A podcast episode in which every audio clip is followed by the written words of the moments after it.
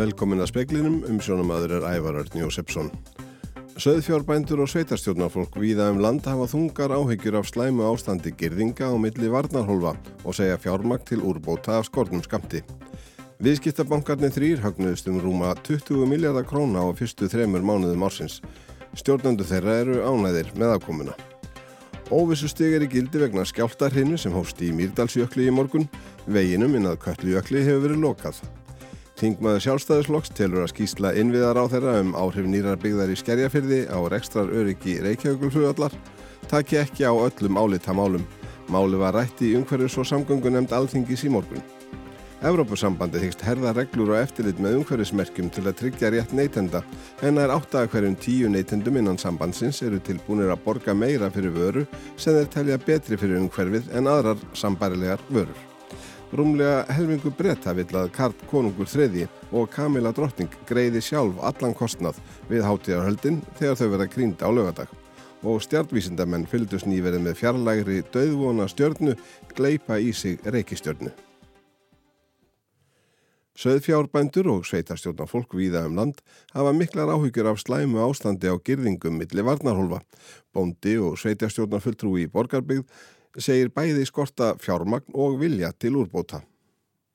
Eftir að riða kom upp í miðfjardarhólfi lísti umhverjus og landbúnaðan borgarbyggðar áhyggjum af slæmu ástandi á söðfjárveiki varnagirðingum á Vesturlandi. Þar sé viðtaðum ónýtar girðingar og leggja þurru umtalsvett fjármagniðið gerðir. Sigrun Ólafsdóttir, formaða nefndarinnar, segir þetta lengi hafi verið til skoðunar en allt of háur veiti þessu aðtegli þyrr en komið er í óetni. Er heimildir sem við höfum og bara höfum séð með eigin augum eru þannig að það er bara viðsvega. Það er ekki bara girðingin sem við höfum mestar áhyggjur af akkurat í augnablikinu með ferðarhól Vesturlandshólf. Þetta eru bara sögþjórveiki varna girðingar almennt. Í byrjun síðustu viku segir Sigrún að sendt hafi verið erindi til matfælastofnunar, matfælaráðuneytis, fjármálaráðuneytis og þingmanna norðvestur kjördamis og kalla eftir aðgerðum sem fyrst. Engin viðbröð hafi borist. Er þið ekkit einasta svar og það vekur mikla förðu. Þegar að svona mál kemur upp og allir eru að reyna að bregðast satt við og reyna að leggja sitt að mörgum að þá er bara tómlætið algjörst, engin svörg. Nú sé söðburur hafin og þá stittist í að lampfjö verið rekið á fjall. Bændur hafið því miklar áhyggjur vitandi af ónýtum varnargerðingum í afréttinum. Það er svona með miklum óhug held ég sem að þeir e, fara að hugsa til þess að sleppa á afrétti án þess að sé búið að tryggja fjármagn og, og bara að þessi hlutu verið kiptilag. Þetta var Sigrún Ólafsdóttir, Ágúst Ólafsson talaði við hana. Samanlagur hagnaður stóru viðskiptabankana þryggjanam 21,3 miljardum króna á fyrsta ársfjörðingi þessa árs. Þeir skiluðu allir meiri hagnaði en á sama tímabili í fyrra.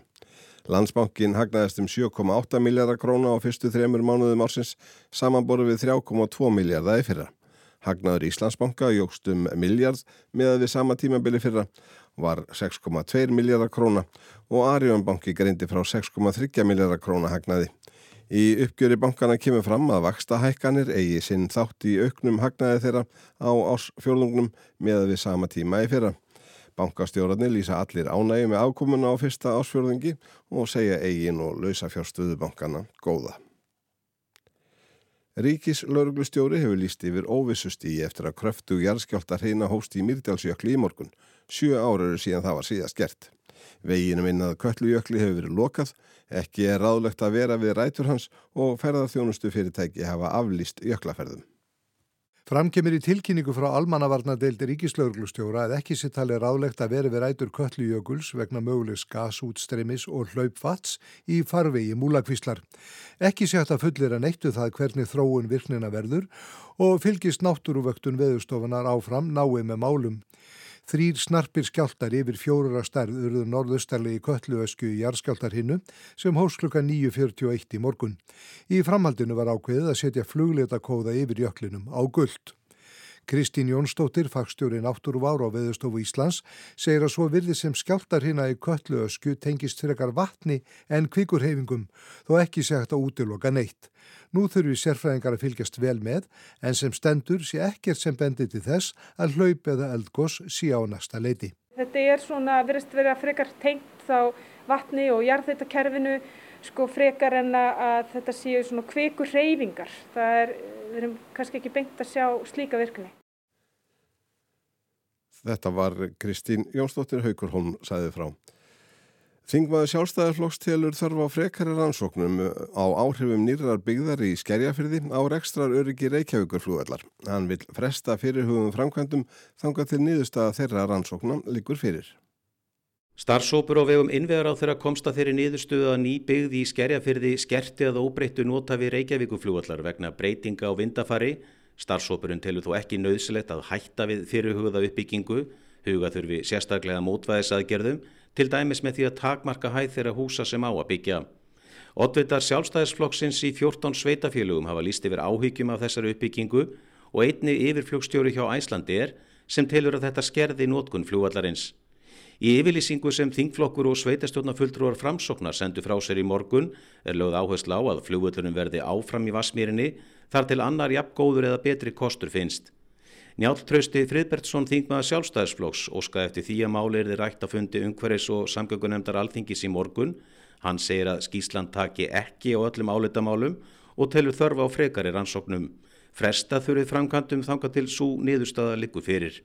Það sem einmitt kemur fram í niðurstöðum starfsóksins að þeir eru að kalla frekar eftir gögnum og það þurfa að vinna frekar í gögn. Þessi hópur var að vinna í samvændi við raunverulega Eh, vinda á vellinum, að vinda far og annað og reyna, það var bara það megi verkefni hópsins var um þetta atrið og það sem er nýðurstaði starfsóknins er umverulega það vanti frekari rannsóknir um bara þennan punkt sem að nefndi færi hendur það að ræða og, og þá þarf bara að gera betur. Þannig að þú heldur þetta muni að hafa verulega áhrif á flugvöldin?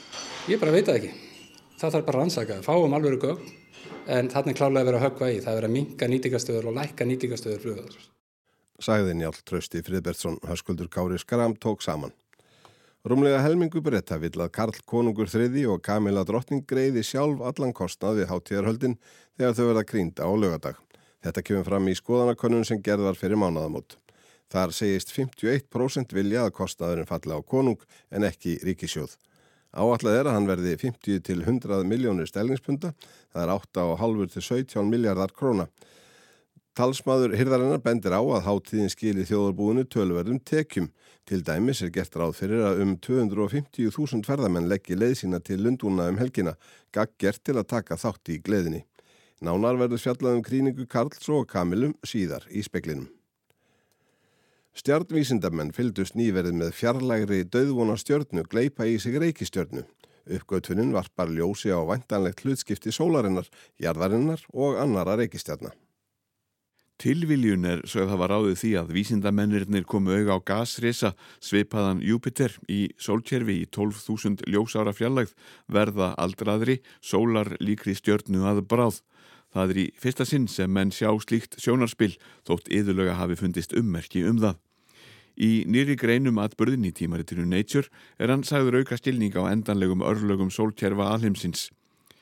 Kishalai D, nýdoktor við MIT og einn höfunda, segir þarna raunverulega hafa mátt sjá hver afdrifi jarðar verði eftir um 5 miljardi ára. Auk þess geti uppgötunin varpað ljósi á efnasamsetningar sólkerfa sem aftur geti leitt líkur að einhvers konar lífi. D segist varðla hafa trúað eigin augum þegar hann átti að sjá hvað væri að gerast en vísindamennirnir fylgdust með sjónarspilinu mánuðum saman. Reykjastjarnan og Rauði Rísin snertust í um það byl ár áður en örlögin réðust. Vísindamenn telja að allra fjóra innri Reykjastjarnar okkar sólkerfis býði það sama en þær eru aukjarðarinnar, Merkur, Venus og Mars. Stjörnur á borðið sólina breytast undir loka æfi sinnar í Rauða Rísa. Þær þennjast út og breyka 10 til 100 sinnum.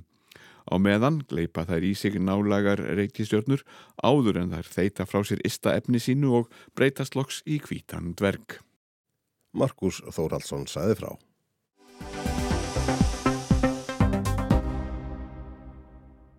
Fyrirtæki á nokkurnu en öllum sviðum atvinnulífsins kynna sína vöru og eða þjónustu gjarnan sem græna, vistvæna, umhverfisvæna og jafnvel sjálfbæra eða í það minnsta til þess fallna að auka sjálfbærni án þess endilega að útlista sé hvað sé grænt og vistvænt við framleysluna í hverju meint sjálfbærni hennar fælst og hvað er á bakvið þessar fulleringar um umhverfisvænleikan.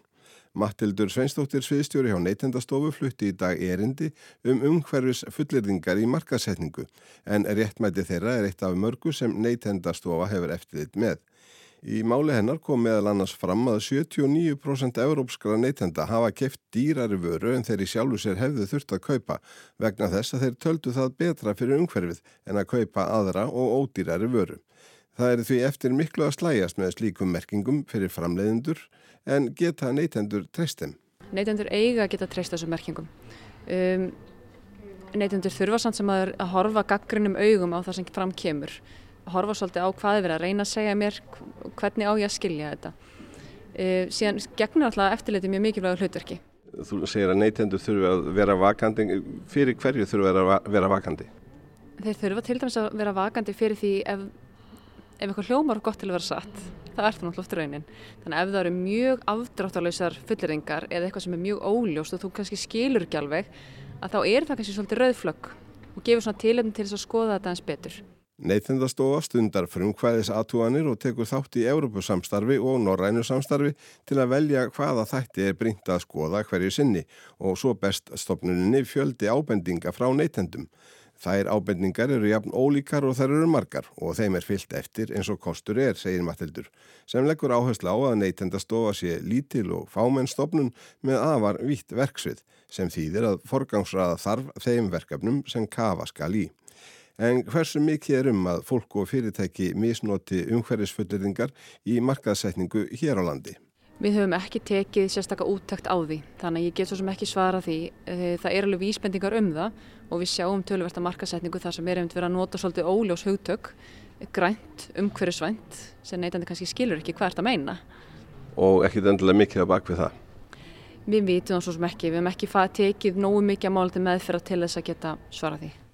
Í erindi Matildar sem hún held á lofslagsdeginum 2023 kom fram að árið 2020 töldu neytenda yfirvöld á Evróska efnahagsvæðinu að riflega 40% af skoðuðum umhverjusfulleytingum á umbúðum og auglýsingum væru ósannar, íktar eða villandi.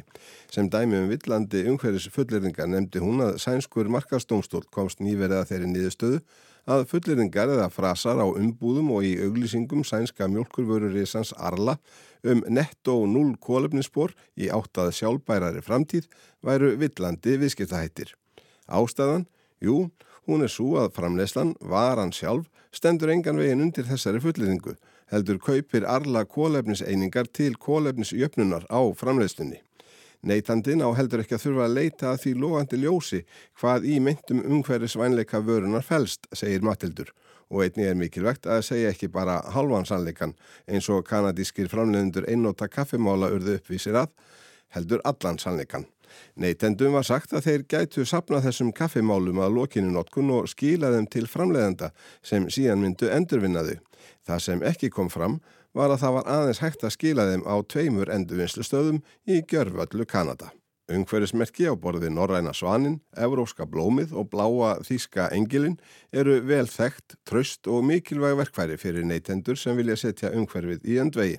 En ekki eru öll merki jafn áreðanleg, jafnvel þóttu komið frá hennu opimbera. Gott dæmi um þetta er íslenska merkingin Vistvæn landbúnaðarafurð sem innleitt var hér á landi með reglugerð árið 1998. Markmiðið með henni var tvíþætt að hjálpa framleiðendum að selja sína vöru og að hjálpa neytendum að velja vistvæna vöru. Árið 2015, eftir að fréttaskýringaþátturinn Kveikur ofinberaði starfsætti eggjaframleðandans brúnegja sem lengi hefði skreitt sig með þessum frasa, var þessi reglugerð hins vegar endurskoðu sem leytil til þess að hún var fæld úr gildi og henn meinti gæðastimpill vistvæn landbúnaðarafurð um leið. Það komu þetta bara upp tilvik þar sem komi ljós aðilar voru að nota þetta merki án þess að uppfylla þau skilir sem reglugerðin hvað áum. Og það var ekkert eftirlit með þessari reglugerð þannig að það eru auðvitað ekki gott þegar neytendur horfar það á okkur merki sem er viðkjönd, uh, eh, útgefða ráð þeirra en býr ekkert endilega neitt að baki því. Þannig að þetta verið framfæra að skrifa afnæmanna eins og hún var uh, í framkvæmt? Já, ætli það ekki. Mögulega hefði verið hægt að bæta eftirlitið Annar galli við hefði annars ágæta verkværi sem umhverfismerki geta verið er sá að þeim hefur fjölgað svo hratt og svo mikið á síðustu árum að fólk á orðiði mestu vandraði með að átta sig á því hvaða merkjum er hægt að treysta og hverjum ekki. Já, það er alveg rétt og ég lísti því í mínu erundi hvernig það er að standa á úlvatímanum í búðinu með fjórura batnið og alltaf treyst ykkur merkingum. Við vitum svo sem við þekkjum alls svanin og fleiri þess að það merki í dag en síðan er vantarlega lögjöf sem hveður á um það að það mun telast undir öllum kringumstæðum óriðtmættir viðskiptahættir að notast við umhverfismerki eða vottanir sem er ekki sprotna frá ofinbjörnum aðilum eða viðurkendum enga aðilum og það áauðvitað þá að byggja upp ennþá meira tröst og byggja upp sjálfströst á neytundum til þess að treysta þessum merkingum og aðstöða þeim við valið þar sem þú getur ekki kynntir mjög ítalegum hætti upplýsingar sem búa baki. Þannig að þessi mikli græni merkjaskóur, hann verður vantar að þá grísjaður með þessari, þetta er Evropalögjöf þegar ekki, hann verður eitthvað grísjaður með þessari lögjöf. Já, við vonum það. Sæði Mattildur Sveinstóttir.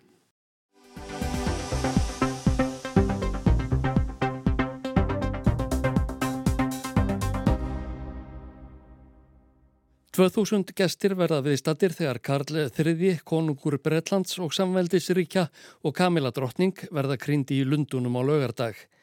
Hann hefur gefið skipunum að aðhalds verði gætt í kvívetna. Gestirnir eru því munfæri en þegar móður hans Elisabeth Önnur var krynd árið 1953. Þá var 8000 manns bóðið. Gestalistin hefur verið byrtur. Þar kennir Ímisa Grasa ef svo óvirðulega má að orði komast. Það hefur ekki síður vakið að tigli hverjir eru ekki á listanum. Harry Prince, sonur Karls, mætir til að mynda einn. Megan Hertogenni af Sussex, tengdadóttir konungs, verður eftir heima í Los Angeles. Að sögn breskra fjölmiðla ætlar hún að halda upp á afmæli Archís, sonar þeirra hjóna, sem verður fjögur ára daginn sem afi hans verður kryndur. Sara Hertóinja af Jórvík verður heldur ekki meðal bóðskjasta. Hún er fyrverandi eiginkona Andrjús, bróður konungs. Hún hefur sagt í viðtölum að henni hafi ekkert sárnað að verða ekki bóðið til kríningarinnar. Þá hefur það ekki síður vækið aðtikli að Joe Biden, bandarækja fórseti, verður ekki í Lundunum á lögardag. Húnum var vissulega bóðið en sendir Jill eiginkonu sína í staðinn. John Kerry, sérlegur sendiherra fórsetans í loftdagsmálum, verður í fylgd hennar. Þegar þetta lág fyrir gerðu frettamenn í kvítahúsinu harða hríð að Karin Jean-Pierre blada fulltrú að fórseta ennbættisins og spurðu hverju þetta sætti. Hvort Joe Biden væri virkilega lítilsverða konungin. Jean-Pierre varðist fremur ófimlega sögn viðstatra en sagði þó að enginn væri að sína Karli konungi lítilsverðingu. They should not see that as a snub, not at all. The president has a good relationship with the king. They had a, uh, a friendly conversation and I will leave it at that. It is not a snub. Við skulum ekki líta á þetta sem lítilsverðingu, saði Karin Jean-Pierre. Forsetin er í góðum tengslum við konung. Þeir rættust við á vinsamlegum nótum svo að það er alls ekki verðið lítilsverðan. Að sögn Jean-Pierre bauð Karl Konungur Joe Biden í opimbæri heimsókn til Breitlands. Forsetin þáði það en dagsekning hefur enn ekki verið ákveðinn. Russell Myers, konunglegur hirðfréttamaður Daily Telegraph, hvaðst í viðtali við Sky, sjónvarpsfréttastöðina, ekki hissa á að Joe Biden hefði ákveðið að sitja heima. Biden is staunchly proud of his Irish roots, his Irish American roots, and so I, I didn't think it was a real possibility that he would come. Joe Biden er ákaflega stoltur af írsk-amerískum uppruna sínum. Í bjóst því enga megin við að hann kæmi, sagði Russell Myers. Sagnfræðingar segja hens vegar að ákvörðun fórsetans eigi sér aðrar skýringar og þær reynd ekki pólitískar. Laura Beers, sagnfræði profesor við Ameríska háskólan í Washingtonborg, bendir á í viðtali við BBC að engin bandaríkja fórseti hafi til þessa mætt til kríningar að tafnar konungs eða drottningar í Breitlandi. Því hafi Joe Biden líkast til að tali það óþarfa að brjóta gegn hefðinni þótt 20. á fyrsta öldin sé gengin í gard. Laura Beers segir að vissulega hafi verið styrt á milli bretta og bandaríkjamanna. Tengslinn hafi hins vegar verið orðin betri þegar Viktoria Drottning var krynd árið 1838. Egið síður ákvað Martin van Buren, fórseti, að mæta ekki til aðtapnarinnar. Trói Bickham, sagnfræðingur og félagi í konunglega sögufélaginu bendir á að almennar flugsamgöngur yfir Allandsaf hafi ekki hafist fyrir en árið 1939, þremur árum eftir að Georg Sjötti var grindur konungur. Franklin Roosevelt fórseti fólk við hvergi. Dwight Eisenhower ákvaða að halda í hefðina þegar Elisabeth Önnur var grind árið 1953.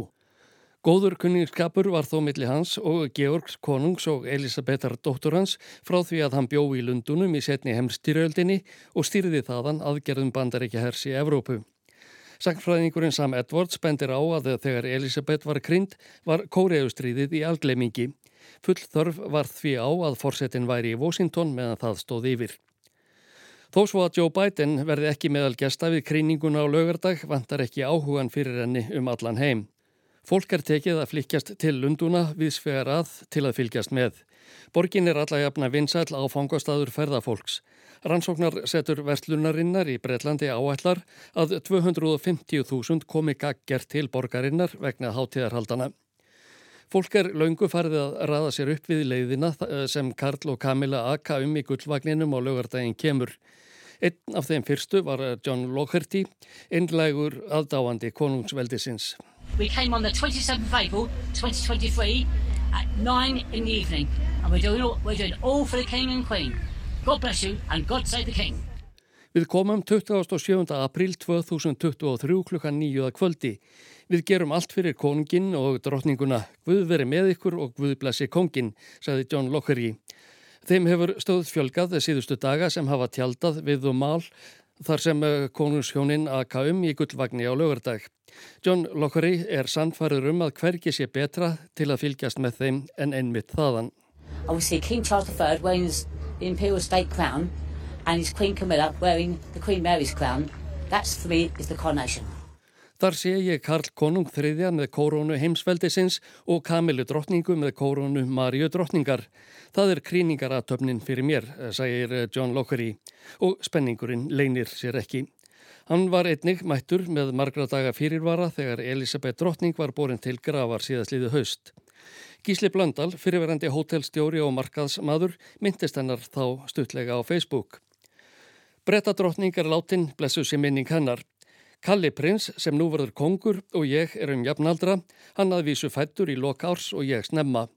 Við vorum samtíða í Cambridge á sínum tíma og ég sá hann oft og kastaði á hann hveðjum. Á námsárunum í Cambridge var ég í fríi frá vinnu og ég er rétt nýhættur störfum sökum aldurs. Charles Kongur hóf störfi í dag ef að hann ná í jafn laungu og farsælu og æfistarfi og ég, skrifaði Gísli Blöndal. Karl III er elstur allra sem hafa tekið við konungstigninni í Breitlandi. Hann verður 75 ára þann 14. november. Eins og gefur að skilja hefur engin verið ríkisarfi í Breitlandi lengur en hann. Hver þjóðhauðingi sinnir ennbættunu eftir sínu höfði. Margir hafa velt við fyrir sér hvers konar konungur Karl eigi eftir að verða. Anna prinsessa, sýstir hans, var ind eftir sinni skoðun í viðtali við kanadíska ríkissjónvarpið CBC um helgina. Well, you know what you're getting because he's been practicing for a bit. and I don't think he'll change. You know, he is committed to his um, his own level of service and that's that will remain true. Þið vitið hvað þið fáið því hann er búin að æfa sig í dálítinn tíma, sagði Anna og hló við. Ég held að hann breytist ekkert. Hann hefur haft sinn stíl við ennbættisverkin og það á ekki eftir að breytast. Ásgeir Tómasson sagði frá.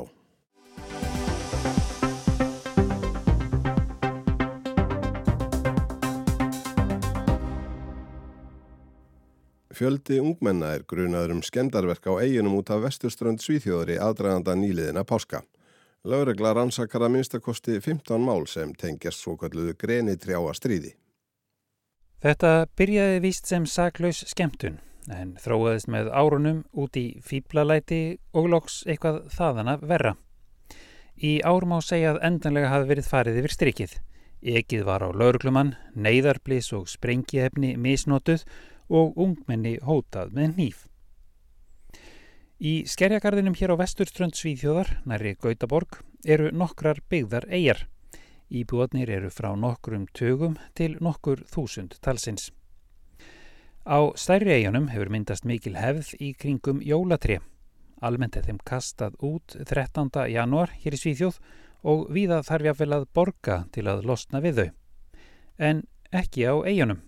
Þar hefur jólatrjánum lengi verið sapnað saman og búnir til bálkestir sem svo er kveikt í kvöldið fyrir páskadag. Hefðin er um 100 ára gömul. Bálkestir mynda hálfgerða vita og eigað sjást langt að frá hinnum eigunum. Og þá er kannski skiljanlegt að kapp hlaupi fólk og allir vilja að sinn bálkostur sé sá stærsti. Og það er þetta sem er komið út í algjera vittlesu. Jo, men det vi ser i samband med grankriget är främst månaderna mellan jul och påsk. Alveg frá jólum og fram til páska er talsvert um skemdaverk, þjófnaði, jafnvel átöku í tengslum við jólatrjáa stríðið, segir lauruglumadurinn Martin Callas í samtali við sænska ríkisómarpið. Fréttamenn þess fylgdu í vetur eftir hópi ungumenna í jólatrjáaleit. Trén fengu krakkarnir ekki frá fólki sem var að losa sig við þau eftir jólinn.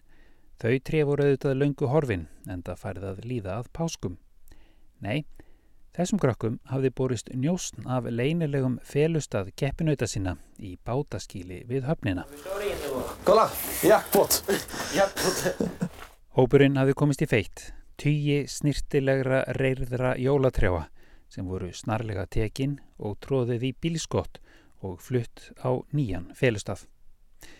Hér var þó að hafa allan varan á, enda hópurinn á yfiráðasvæði óvinnarins og viðbúið að bílinn er þið stöðvaður með góðu eða íllu og góðsinu stólið tilbaka. Bein átökmyndli hópa að fólk eldi hvort annað á bílum, skemdaverk, þetta kemur nefnilega líka fyrir í jólatrjáastriðinu. Yfir páskana í ár helt rugglið áfram. Rúður voru brotnar á skrifstofum bæjastjórnarinnar og í skólan okkrum. Neiðarblísum var ítrekkað skotið upp án þess að nokkur væri í hættu Drökkinn bílstjóri óg utan í lauruglumann og ungmenni var hótað með hníf vid en av brännarna. Det är många invånare som eh, upplever en stor otrygghet eh, de här månaderna fram till påsk och som tycker kanske att den här traditionen har gått lite långt. Stór hluti íbúa á eigunum upplifir sig óöruga, segir lauruglumadurinn Martin Callas og mörgum finnst þessi hefð kannski ganga svo litið langt. Jag har bojkottat granar, julgranar. Du har ingen julgran längre? Nej, inte längre. Ég er nú hætt að kaupa jólatri út af þessu, segir Susanna Liljeberg eigaskeggi. Annar eigaskeggi, hans títifúr, komst að því að einhver hafði notað geimsluna hans til að fela jólatri og klifti sundur hengilás sem var á byggingunni. Men sen visade det sig då, då hade de hänglås som var borttaget. Men då hade de lagt pengar där. Så de köpte, de skulle köpa nytt hänglås. En så hafði verið skilin eftir peningur fyrir nýjum hengilós. Det tycker jag är helt okej. Okay. Alltså sånt gör man ingenting. När det inte människor kommer till skada och så vidare, eller det blir för mycket materiella grejer. Þetta er í fínu lagi finnst mér nú. Ef enginn meiðir sig og það er ekki verið að eidilegja allt of mikið, segir hans. Ræmú Jóensú og fleiri sem sænska ríkisónarbið rætti við vilja gjarna halda í hefðina sem sé einkennandi fyrir eigarnar. Barni massa rúlít. Svo er það. Börnin verða að skemta sér, þannig er nú það. Þetta er Kári Gílásson sem talar frá Gautaborg. Og það var helst í fréttum að söðfjárbændur og sveitastjórnafólk viða um land hafa þungar áhyggjur af slæmu ástandi girðinga á milli varnarholfa og segja fjármakt til úrbóta af skornum skamti og vilja líka. Viðskiptabankarnir þrýr högnuðust um rúmaðan 21 miljard króna á fyrstu þremur mánuðum ársins. Óvissustig er í gildi vegna skjáltarhinu sem hófst í Mýrdalsjöklu í morgun og þingmaður sjálfstæðarflokks telur að skýsla innviðar á þeirra um áhrif nýrar byggðar í skerjafyrði á rekstrar öryggi reykjaugulflugvallar taki ekki á öllum álita málum og vil frekari rannsóknir. Veður horfur á landinu til miðnættis annarkvöld eru þessar, austlag átt 3-10 metrar á sekundu en 10-15 metrar á sekundu siðst á landinu.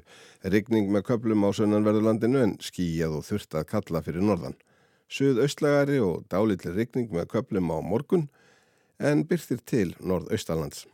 Það stýttir svo upp sunnanlands annað kvöld og híti verður 6-13 stig yfir daginn. Næstu daga er svo útlitt fyrir mildar austlagaráttir og vætu öðru hóru en úrkomu lítið verður norðanlands. Fleira er ekki í speiklinum í kvöld. Tæknimaður var Mark Eldrett, frétta útsendingu stjórnaði Ingi Björg Sara Guðmundsdóttir. Veriði sæl.